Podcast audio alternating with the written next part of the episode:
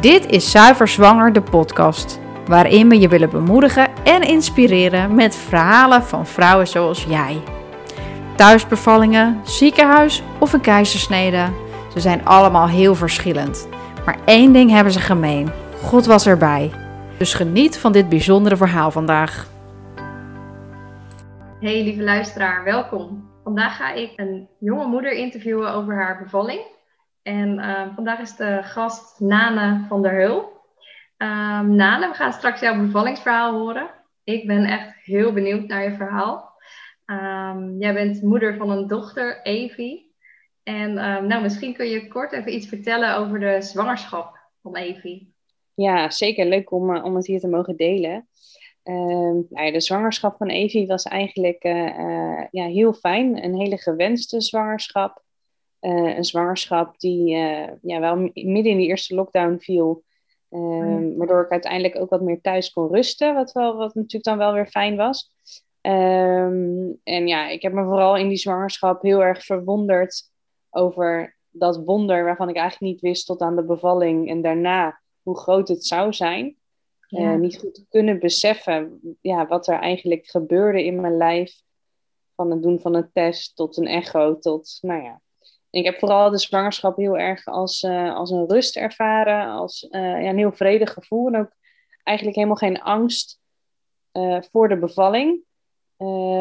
nou ja, wat ik echt wel zie als een, als een zegen, als, als leiding van God. Omdat ik ja, ook wel in, in, in een andere, nou ja, eigenlijk de tijd voor de zwangerschap echt wel dacht, oh, hoe gaat dat ooit zijn? Dus ik ben heel dankbaar dat die zwangerschap zo goed is verlopen. Tuurlijk wel met, met soms wat kwaaltjes en wat bekkenklachten, maar nou ja, over de grote lijn een hele mooie zwangerschap.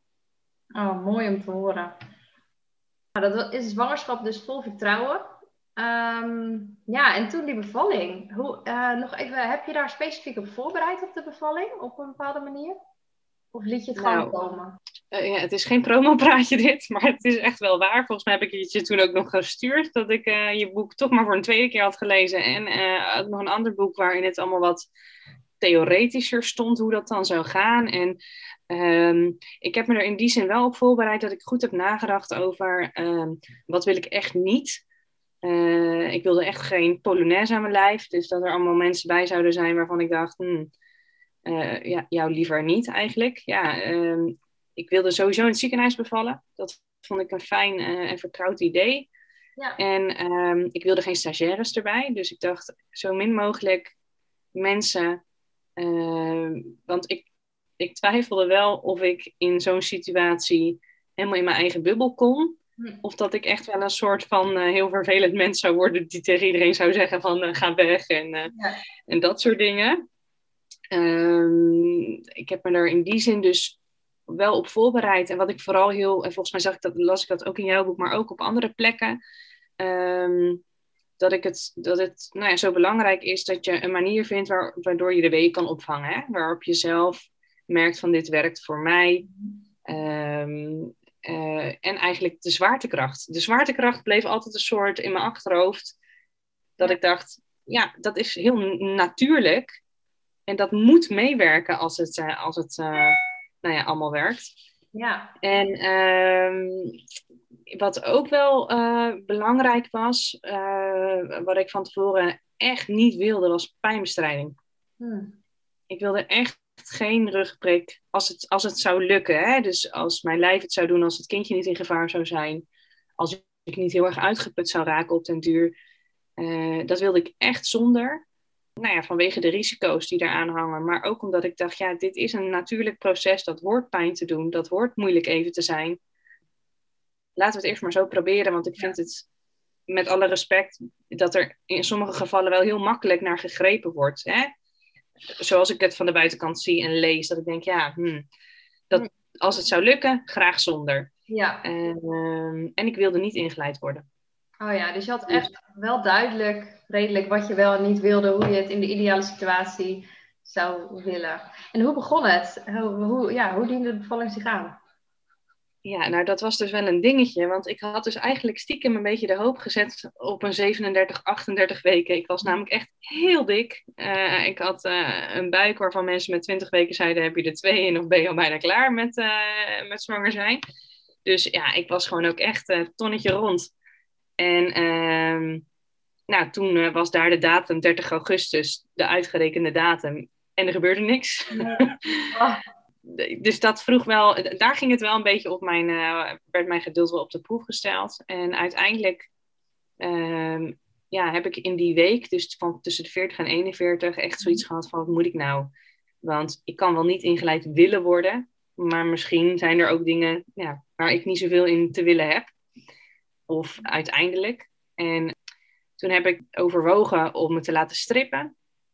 Om te kijken van nou, doet het dan toch met een klein beetje, een klein duwtje in de goede richting. Uh, misschien dan toch een soort natuurlijk wel, hè? Ja. Uh, en nou ja, ik zou dan op maandag 41 weken zijn. En dat zou ook de dag zijn waarop we naar het ziekenhuis moesten om een gesprek aan te gaan, om in te leiden. Ja. Um, en uiteindelijk heb ik mij eh, drie dagen voor op vrijdag uh, laten strippen toen bleek ik ook een centimeter ontsluiting te hebben, wat ik heel bizar vond. Want dat is dat woord waarvan je denkt, dat komt zodra je wateren of je vliezen zijn gebroken. En niet nu, zonder dat ik het door heb. Ja. Um, en toen zei ze van, nou, zullen we dat maar doen? Uh, of nou, dat zei ik van, zullen we dat, dan, zullen we dat dan toch maar doen? Want nou, een weekendje relaxen, een beetje bijkomen en misschien doet het dan wat. Ja. Um, nou, en dat gebeurde niet. Want ik dacht, nou, en nu? En uh, nou, toen had ik vrijdag op zaterdag een beetje wat weeën achteraf, mm, denk ik voor weeën of zo. En, uh, maar ik voelde me verder topfit. Ik sliep die weken echt 12, 13, 14 uur achter elkaar. Dus ik was heel lekker aan het slapen. Ja, goed zo. Ja. En uh, op uh, zondag 6 september dacht ik en zei ik tegen mijn man: gaan we alsjeblieft naar het terras. Want ik zit al weken hier een beetje thuis en ik, ik word een beetje, ben een beetje klaar mee. En toen zei hij van, of ik zei eerst zo naar het strand gaan. Nou, die zei, uh, je bent gek geworden, want dan moet ik je zo meteen over die duinen rollen. En, uh, die was een beetje bang. En ik zei, ja, als die bevalling begint, gebeurt het echt niet zomaar midden op het terras. Kon ik me niet voorstellen. Maar nee. goed, je hebt wel van die verhalen dat je denkt, ja. En die had hij natuurlijk in zijn hoofd. Um, dus we hebben heel lekker relaxed als een soort van uh, date bijna op het terras gezeten. Lekker nog een pannenkoekje gegeten. En uh, uiteindelijk naar huis gegaan. En uh, hij zette de Formule 1 aan. En we hadden lekker pasta met pesto en parmezaanse kaas gegeten. Wat hij heel lekker kan maken. En toen ineens dacht ik, hey, dit is weer zo'n pijntje wat ik een paar nachten geleden voelde. Dus ik zei dat. Van, oh, het voelt een beetje gek. En uh, toen zei Lars, uh, oh, heb ik nu vakantie? Want zijn vakantie zou beginnen op het moment dat de bevalling zou beginnen. Ik zeg, nou, dat zal wel niet. En vijf minuten later weer. Oh. En dat was dus echt zo snel, zo constant. Ja. Dat hij na drie keer zei, ik ga de tas in de auto gooien. En ik zei nog, ach joh, hou op. Ja. Um, maar dat werden gelijk rugweeën. Dus toen wist ik oh. zeker, hé, hey, dit is iets. Dit is het ja, dit is, dit is iets uh, wat niet helemaal ergens, on, ergens anders onder te schuiven is. Nou, toen heb ik die weeën-timer aangezet, want ik dacht, ik ga dat nooit onthouden. Lars is gaan douchen en die kwam naar beneden. Die zei, heb je er nog één gehad? Ik zei, ja, een stuk of vier. en uh, toen uh, binnen drie kwartier uh, zat er nog maar twee minuten tussen. Zo, snel. Ja, ja, dus toen zei ik van, nou, dan ga je in een soort nou ja, overleggen van moet ik nou wel bellen of bel ik dan te vroeg? Of... Ja. En uh, we hebben zes verloskundigen bij ons en ik had echt heel erg de hoop dat één van die zes het zou zijn. Maar ja, hoe groot is die kans? Wat trouwens wel bijzonder is, echt wel bijzonder is om te vermelden, is dat wij natuurlijk in die weken daarvoor echt heel veel gebeden hebben dat die bevalling goed zou mogen gaan, dat het kindje het goed zou mogen doen en dat ik het goed zou doen. Maar dat we eigenlijk niet heel concreet hebben gebeden dat het op een bepaalde dag zou beginnen of in een bepaald tijdsbestek. Dat voelde ergens een beetje oneerbiedig of zo. Alsof je nou ja, God min of meer op zijn plek zet van wil je dan. Ja. Ehm, en in het weekend van zaterdag op zondag, zondagochtend, uh, hoorde ik Lars bidden. Samen hebben we gebeden van, uh, nou ja, dat het toch mocht gebeuren voordat het inleiden, dat daar sprake van zou zijn. En ik weet nog dat ik tijdens dat gebed dacht, oeh, dit vind ik wel spannend dat je dit zo vraagt. Ja. En dat was ik eigenlijk vergeten vervolgens. Dus ging, nou ja, ging naar het terras. En, uh, en toen, ehm, nou ja, hebben we uiteindelijk dus na drie kwartier weeën de verloskundige gebeld. En Lars zei eerst, bel jij maar. Ik zeg, ja, dan sta ik zo te puffen aan zo'n telefoon. Dat vind ik niet fijn, bel jij maar. Nou, en ik hoorde niet zo goed aan hem wie die dan aan de lijn had. En uh, hij hing op en ik zei, wie, wie is het? Want dat was dus blijkbaar heel nieuwsgierig naar. Ja. En dat was dus die ene verloskundige. Uh, die, die ik wilde en die toevallig een uur daarvoor met haar dienst was begonnen. De eerste na de zomervakantie. Dus... Zo. Mooi. Ja, dat, heel bizar. Ja. Heel bijzonder. En, ja, ja, en op dat moment denk je daar niet zo over na. Uh, word je een beetje overvallen. Ik in ieder geval door ja. wat er allemaal gebeurt. Um, nou ja, en dan komt zij en zij zegt: Je hebt al vier centimeter. Toen dacht ik: Oh, oké. Okay. Um, nou, en toen uh, zijn we op het gemakje naar het ziekenhuis gereden. En is het heel grappig om te merken dat iedereen een soort iets wil doen, je in een rolstoel wil zetten of uh, iets wil doen. Dat ik zei, nou, ik kan wel lopen, af en toe even stoppen. Maar, dus dat ging eigenlijk heel goed. Um, en toen kwamen we in Delft aan. 20 minuten rijden. En dat vond ik iets minder. Door de bocht met weeën en uh, over een rotonde. Ja. Dus toen was het echt wel begonnen. Ja, en jouw verloskundige ging dus met je mee. Uh, je beviel zeg maar polyklinisch met je eigen verloskundige in het ziekenhuis. Wat ja, klopt. En hoe, en hoe ging dat toen je daar kwam? En hoe ben, hoe ben je verder gegaan uh, met die weeën opvangen daar? Ja, ik had eigenlijk hier thuis al dat ik uh, aan, de, aan de soort van aan de stoel ging hangen, leunen, een beetje wiebelen zo met mijn met mijn heupen heen en weer. En ik bleef maar lopen, lopen, lopen. Ik, kon niks met een bal, ik kon niks met het zitten op een stoel of het liggen. Ik vond het helemaal niks. Uh, en Lars die gaf wel die tegendruk op die onderrug, ja. wat wel fijn was. Uh, maar wat ik heel, um, en volgens mij stond dat in jouw boek, of heb ik dat ergens anders gelezen of gehoord, um, dat mensen het vergelijken met een golf, hè, die dan aankomt. Je ziet hem komen en hij gaat dan op zijn, op zijn nou ja, hij maakt de krul, zeg maar, op zijn hoogtepunt en dan zwakt hij weer af. Ja. En ik vond het heel maf om te merken dat dat echt gebeurde. Het is echt een, iets van, dat je denkt, oeh, daar komt er wat. En dan wordt het even niet fijn en dan nog minder fijn. En dan denk je, nou, stop maar. En dan zakt het weer. Ja. Um, dus ja, zij, uh, zij reed uh, voor ons uit. Heeft eerst nog even gebeld of er plek was in het ziekenhuis. En ik ben die kant op gegaan uh, met Lars en de spulletjes en een lege maxicosi. Mm -hmm. En een tas met spullen dat je denkt, hmm, dit is eigenlijk best wel maf. Ja. Um, en we hadden daar een hele fijne grote kamer. Echt oh, voor onszelf helemaal. Ja, met een ja. grote badkamer erbij. Oh, mooi. Ja. ja, en toen, in wat voor tijdsbestek uh, ja, ging dat toen verder met die weeën, de ontsluiting? Ging het, bleef het zo snel gaan? Um, in eerste instantie wel. Uh, voor, voor jullie beeldvorming, om zeven uur s avonds voelde ik dus, of vijf over zeven voelde ik de eerste wee. Waarvan ik dus nog niet zo goed wist dat dat dan een wee zou zijn. Om tien voor acht belde we de verloskundige. Die was om half negen en uh, we waren zo ongeveer om, uh, nou, kwart voor tien of zo in het ziekenhuis. Dus dat was eigenlijk vrij vlot. Dat is dan wel bijna drie uur. Ja. Maar dat heb ik niet zo ervaren. Uh, zo snel. En bij aankomst in het ziekenhuis had ik uh, ruim vijf centimeter ook alweer. Uh, ja. Dus dat ging ja, volgens het boekje volgens mij een beetje. Een centimeter per uur. Nou ja, ik weet niet, zoiets. Zo hoorde ik haar zeggen toen. Mm -hmm. um, en nou, ik bleef maar lopen. Heen en weer ja. door de kamer. Wiebelen tegen de, uh, tegen het keukentje aan. En um, toen werd ik heel misselijk van die pasta pesto. Die heb ik echt, oh, nou, daarvan dacht ik, waarom heb ik dat nog gegeten? Maar ja, ik wist natuurlijk niet dat ik ging bevallen. Heb je het eruit gegooid? Kon je overgeven? Nou, ik kan dus van nature dat heel slecht en uh, doe er alles aan om dat niet te doen. Dus ik zei op een gegeven moment, oh, ik word zo misselijk. En toen zei Lars van, uh-oh. En uh, ik heb toen wel overgegeven, maar er kwam eigenlijk niks uit. Dus het was gewoon, uh, nou ja, geen idee wat er zat even niet lekker. Ja.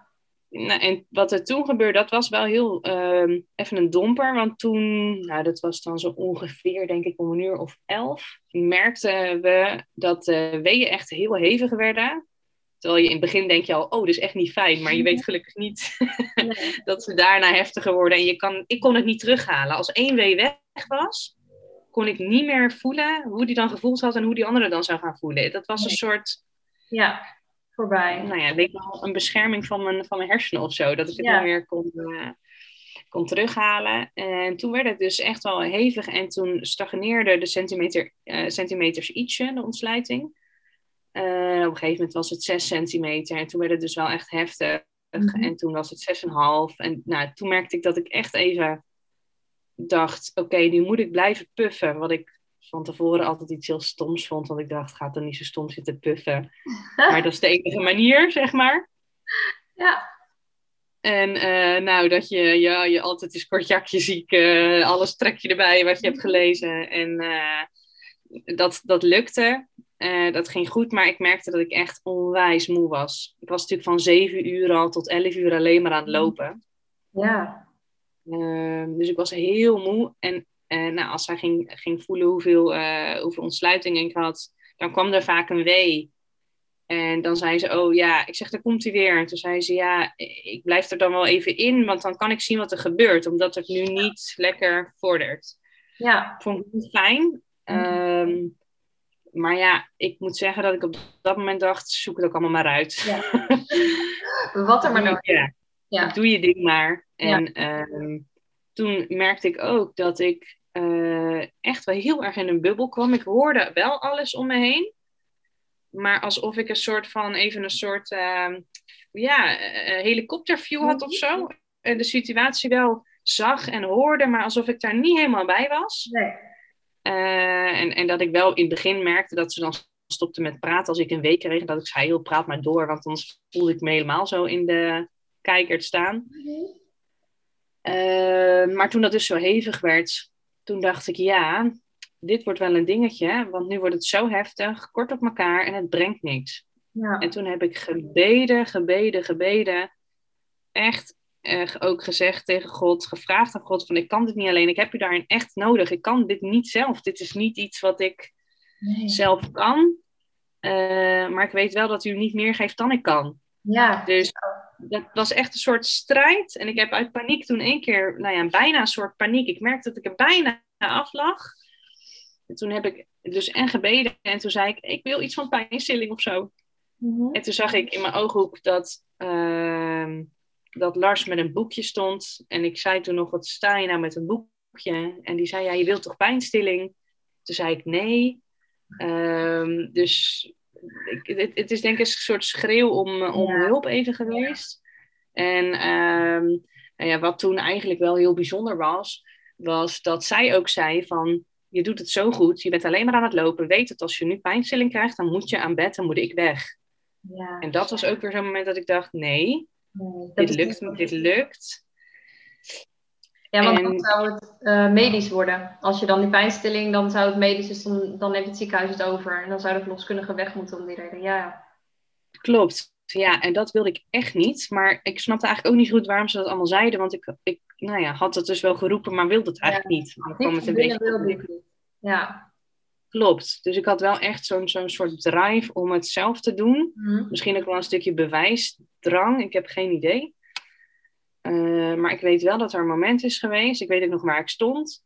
eh, dat ik dacht, nu, nu lig ik er bijna af. Mhm. Ik, ik kan er bijna niet meer bij, eh bij puffen, zeg maar. En het brengt niks. En hé, hey, wat gebeurt er nu? Ja. Ehm, en toen werd ik heel moe. Echt heel moe. Toen werd mijn lijf gewoon heel moe. En toen zei ik, ik ben zo moe. Ehm, maar als ik ging liggen op bed, wat je doet als je moe bent en je Ja. lijf, je zware, zwangere lijf, rust wil geven. ehm, dat vond ik heel vervelend, dat bed. Ik kon helemaal er niks mee. Dus ik wilde alles doen om niet op dat bed te hoeven. Maar ja, op den duur ben je echt heel moe. Ja, precies. Hey, en nou ja, je, dat was dus echt een, een periode, ja, een, een moeilijk moment van je bevalling. Ehm, wanneer sloeg het om dat je weer, ehm, ja, dat je idee had, hey, nu, nu is er weer voortgang of nu dat je hem weer te pakken had, zeg maar, de, de flow? Het was ja, eigenlijk ehm, op een gegeven moment was het zo'n 6,5, 7 centimeter. En dat is eigenlijk het laatste getal, bewuste aantal centimeters, zeg maar, in getal wat ik heb gehoord. Toen ben ik dus wel op mijn zij op dat bed gaan liggen. En uh, Lars had ondertussen geen polsen meer over van het druk op mijn rug. Ja. Ehm, en toen ben ik, ja, heel bijzonder, maar ik ben in slaap gevallen steeds. Um, oh. En dat was, ja, dat was iets heel geks, want ik voelde dan mezelf wegzakken van de vermoeidheid. En blij dat die wee even weg was. Alsof ik een soort powernapje van een minuut kon doen. Ja. En ehm, dan voelde ik dat hij weer kwam. En ik hoef dan ook niet meer tegen Lars te zeggen van... je moet weer druk op mijn rug. Want hij hoorde aan mijn ademhaling van... oh, dat komt er een. Mm. Ehm, dus dat ging op mijn zij wel aardig. Maar op een gegeven moment neemt denk ik de vermoeidheid het over van je ongemak of zo. Ja. Dat je niet lekker ligt. Mm En voor mijn gevoel was het een kwartier later nadat ik had gehoord dat het 7 centimeter was. En toen ging mijn lijf echt een soort reflex. Zo voelde het voor mij op dat moment. Alsof ik dus echt, echt ja, goed naar de wc moest. Ja, ja echt die persdrang of die drukdrang. Ja. ja. Heel raar. En dat lijf dat echt zelf zoiets deed. En ik vergelijk, vergelijk het dan een soort met moeten spugen, maar dan een stuk lager, zeg maar. Dat je lijf echt iets eruit wil doen. Ja. En toen schrok ik daarvan, want ik wist wel, ik zei ook, oh, ik moet naar de wc. En, uh, en toen zei ze, nee, dit, dit is goed. Uh, probeer maar een beetje mee te persen. En ik zei, maar dat, dat kan niet, want ik heb pas 7 centimeter. Dus ik was blijkbaar wel ja. in mijn hoofd bezig met, dit is niet goed, want het is pas 7 en ik kan dan niet persen. Nee. Uh, maar blijkbaar waren er al twee uur voorbij. Oh. Ja, dus... en voor mijn gevoel een kwartier. Ja, ja precies. En, en toen ben je dus een beetje mee, mee gaan drukken. Mer veranderde daar, ja, deed dat wat voor je gevoel? Nou, ik vond het iets heel geks, want uh, het voelde dus alsof ik heel erg naar de wc moest. En dat, dat laat je dan een soort niet helemaal toe of zo. Want, en toen zei ze ook, je moet van bed af, want je moet naar de wc. Je moet, nog naar, je moet echt nog plassen, want je blaas zit helemaal vol. En toen dacht ik, wat vraag je me nu? Dat ik als een soort grote walrus nog van een bed moet. Terwijl ik persweeën heb en naar een wc moet. En ik kan toch niet persen op een wc, want nou allemaal in een split second gaan die gedachten dan, uh, gingen door mijn hoofd. En zij stelde me gerust en zei van het is echt niet zo dat je met één pers weer ineens dat pintje eruit hebt. Nee. Maar het was heel gek om op de wc mee te moeten persen. Een klein beetje, gewoon ze zeggen je hoeft het niet tegen te houden, laat het maar een beetje gebeuren. Ja. En toen had ik dat dus gedaan ondertussen, wat ik heel bizar vind, en dat kan ik me dus nu eigenlijk al niet eens meer wat bij voorstellen, dat je al je schaamte kwijt bent. Ja. Dat het je niet uit. Mij maakte het niet uit wat ik liet gaan, of het bloed was, of urine, of ontlasting, of, of, of een boer die ik liet vanwege de pasta, of, of alle kanten op. En wie erbij was. Ehm, heel, heel gek, want dat is eigenlijk, was echt iets waarvan ik een beetje dacht, oh, nou, ongemakkelijk als je dan moet bevallen. Ehm, en ik kwam van de wc af. En blijkbaar, dat hoorde ik achteraf, is toen ook een soort de kamer een beetje verbouwd met alle spulletjes erbij die ze nodig zouden hebben. Dus zij wisten wel hoe laat het was. Ja. Dit was ongeveer om, uh, moet ik even zeggen, om drie uur s'nachts. Mm Dus ik was toen iets meer dan zes uur bezig. Vanaf de eerste week, zes, mhm. zeven uur. Mm Voelde echt niet zo. Voelde echt als, nou, drie uurtjes of zo. En toen zei ze dat ze me ging aanleren hoe ik moest persen. En moest ik dus weer op bed gaan liggen. En toen uh, eerst op mijn zij met een knie naar me toe en een been omhoog. Nou, daarvan zei ik al, dit wordt niks. Want ik was zo moe dat ik niet wist hoe ik überhaupt mijn eigen been nog naar boven kreeg. En toen op mijn rug en op mijn buik. Of op, nou ja, meer op je knieën, zeg maar. Ja. En dat heeft ze volgens mij echt allemaal in 10 minuten laten zien. En ik dacht bij alles, nou, dit is helemaal niks. En ja, dan. Ehm, waar ik bang voor was, dat weet ik nog. Daar heb ik me van tevoren ook een klein beetje druk om gemaakt.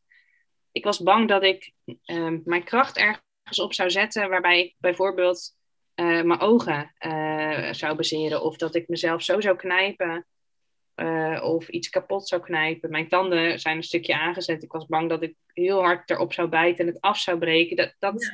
dat je op de verkeerde plek kracht zou zetten.